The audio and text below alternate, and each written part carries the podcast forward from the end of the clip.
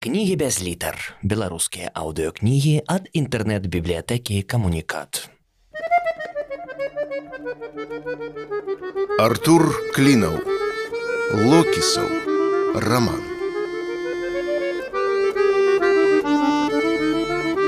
Глава 48. З маладосці Фіксевіч меў праблемы з зубамі.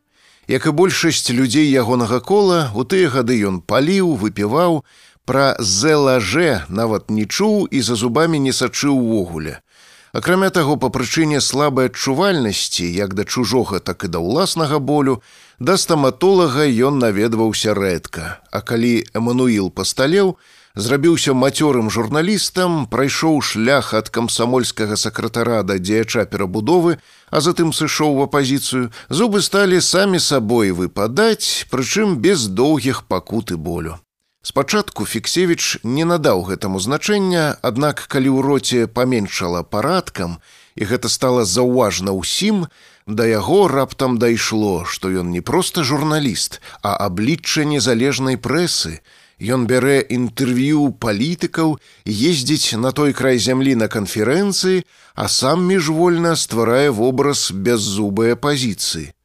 Калі б ён працаваў у дзяржаўнай газеце, было б пляваць, там беззубасць нават вітаецца, а тут іншая справа, Да прыкладу, выбіраецца ён па той бок добра і зла папрасіць грошай на дэмакратыю, а спонсары глядзяць на яго гугнявы шапялявы рот з рэдкімі прабеламі паміж чорнымі клавішамі і думаюць: Не, бяззубая пазіцыя, марнаванне грошай.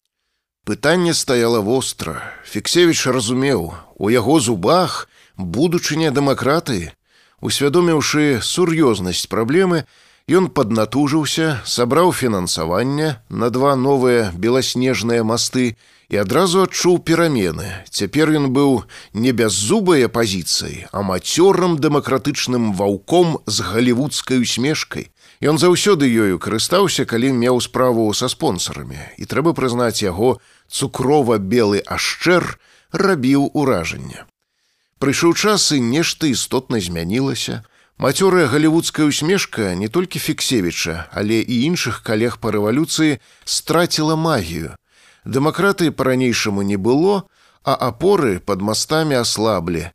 Вывучыўшы пытанне, Фіксевіч зразумеў, што гэта няўхільны працэс старэння. Хаця цяпер ён і паліць кінуў і старанна шмараваў свае зубы самай дарагой нямецкай пастай, але праблема ў тым, што дзясна непазбежна трухлее, і кораню, на якім трымаецца канструкцыя, проста няма на што абаперціся. Масты ўжо не ўбітыя трывала, а пачынаюць як бы плаваць на мяккай балоцістай глебе. Ведаючы гэта Фіксевіч цяпер, калі зрэдку выбіраўся ў мінск на мірныя маршы, стараўся на ражон не лезці, трымацца з тылу або з боку, Ён разумеў, хопіць аднаго не самага моцнага удару гарадавога з сабачкам, і ён зноў ператворыцца ў бяззубую апазіцыю. І тады застануцца дзве магчымасці: старэчыя пратэзы, сківіцца ўначы ў шклянцы вады, кефір, канец кар'еры і павольнае загняванне, або рэвалюцыйныя імплантаты. Аднак грошай на рэвалюцыю ўжо ніхто не даваў, таму сабраць фінансаванне на імплантаты было цяпер вельмі складана. Пагатоў яны каштавалі нашмат даражэй за масты, Вось чаму Фіксевіч так даражыў сваімі хісткімі сведкамі былых дэмакратычных надзей. Гэтай ноччу, колькі ён не ўгаворваў свой мозг адключыцца і хоць троху паспаць, той упарта не жадаў пакарыцца. Думкі заблытаным роем кружылі ў галаве, палохалі, супакойвалі, зноў пужалі, трэба было на нешта рашыцца, прызнаць сваю паразу, капітуляваць заціхнуць, або не паддавацца страху, ісці заўтра на плошчу, застацца без рэвалюцыйных зубоў, але стаяць разам з усімі. У такім разе ў мастоў не было шанцаў. Фіксевіч добра ведаў норавы мясцовых мянтоў, старая савецкая школа, якая біла ў сківіцу не думаючы.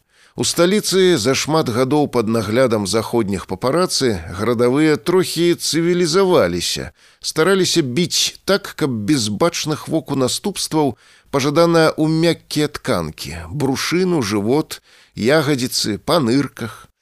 Тут жа рэфлекс спрацоўваў адназначна, ледзь што адразу ў зубы. Не можна, вядома, збегчы з гонарам знікнуць без усялякай капітуляцыі, ці яшчэ радыкальней перакінуцца, зрабіцца пярэваратнем, прызнаць сваю неправату, напісаць у газету руху локіса няма, перадавы артыкул локіс ўсё ж такі ёсць і паспрабаваць загладзіць віну публічным пакаяннем. Аднак гэты варыянт фіксевічу катэгарычна не падабаўся. Пахадзіцца на яго значыць прыняць бязглуздае за рэальнае, падпісацца пад прысудам здароваму сэнсу, сцвердзіць, што локіс ёсць, прызнаць поўную паразу розуму. Не, не і не. Тады трэба прызнаваць і існаванне Бога. У тое, што Бруевіча з жор Локіс Фіксевіч не верыў апошнімі рэшткамі захраслага ў сумневах здаровага сэнсу ён загадваў сабе на байкі пра пярэваратняў не паддавацца не і яшчэ раз не яго не існуе запэўніваў ён сябе. Тое што здарылася з бруевічам мусіць мець нейкае простае лагічнае тлумачэнне.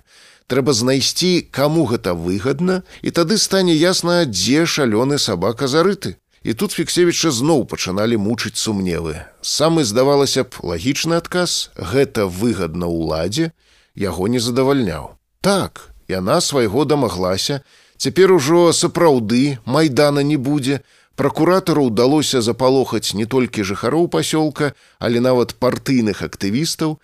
Калі іх збярэцца на плошчы хоць некалькі чалавек, гэта ўжо будзе подзвіг. Аднак дамагчыся сваю мэту ўлада магла і значна прасцей. Фіксевіча ўразіла неадпаведнасць метаду і выніку. Гэта сапраўды не быў почырк улады, якая сама па вялікім рахунку ўсяго баялася і наўрад ці на такое рашылася б. Тут праглядаўся іншы стыль, звярыны, нелагічны, безразважны. Як быццам у гульню уступіла трэцяя сіла, тупая, шалёная, чумная. Вось гэтага фіксевіч найбольш баяўся. Тутэйшую ўладу ён разумеў добра, ведаў, як ёй супрацьстаяць, як з ёй сябраваць і як з ёй працаваць. Але гэтыя сапраўды былі людажэрамі без тармазоў і комплексаў. Гэтыя былі сапраўды небяспечныя, і калі яны выйшлі з ценю, то ўжо дакладна ні перад чым не спыняцца. Супакойвала фіксевіча толькі адно. Ён літара Ф, а значыць, у спісе людажэраў перад апошні.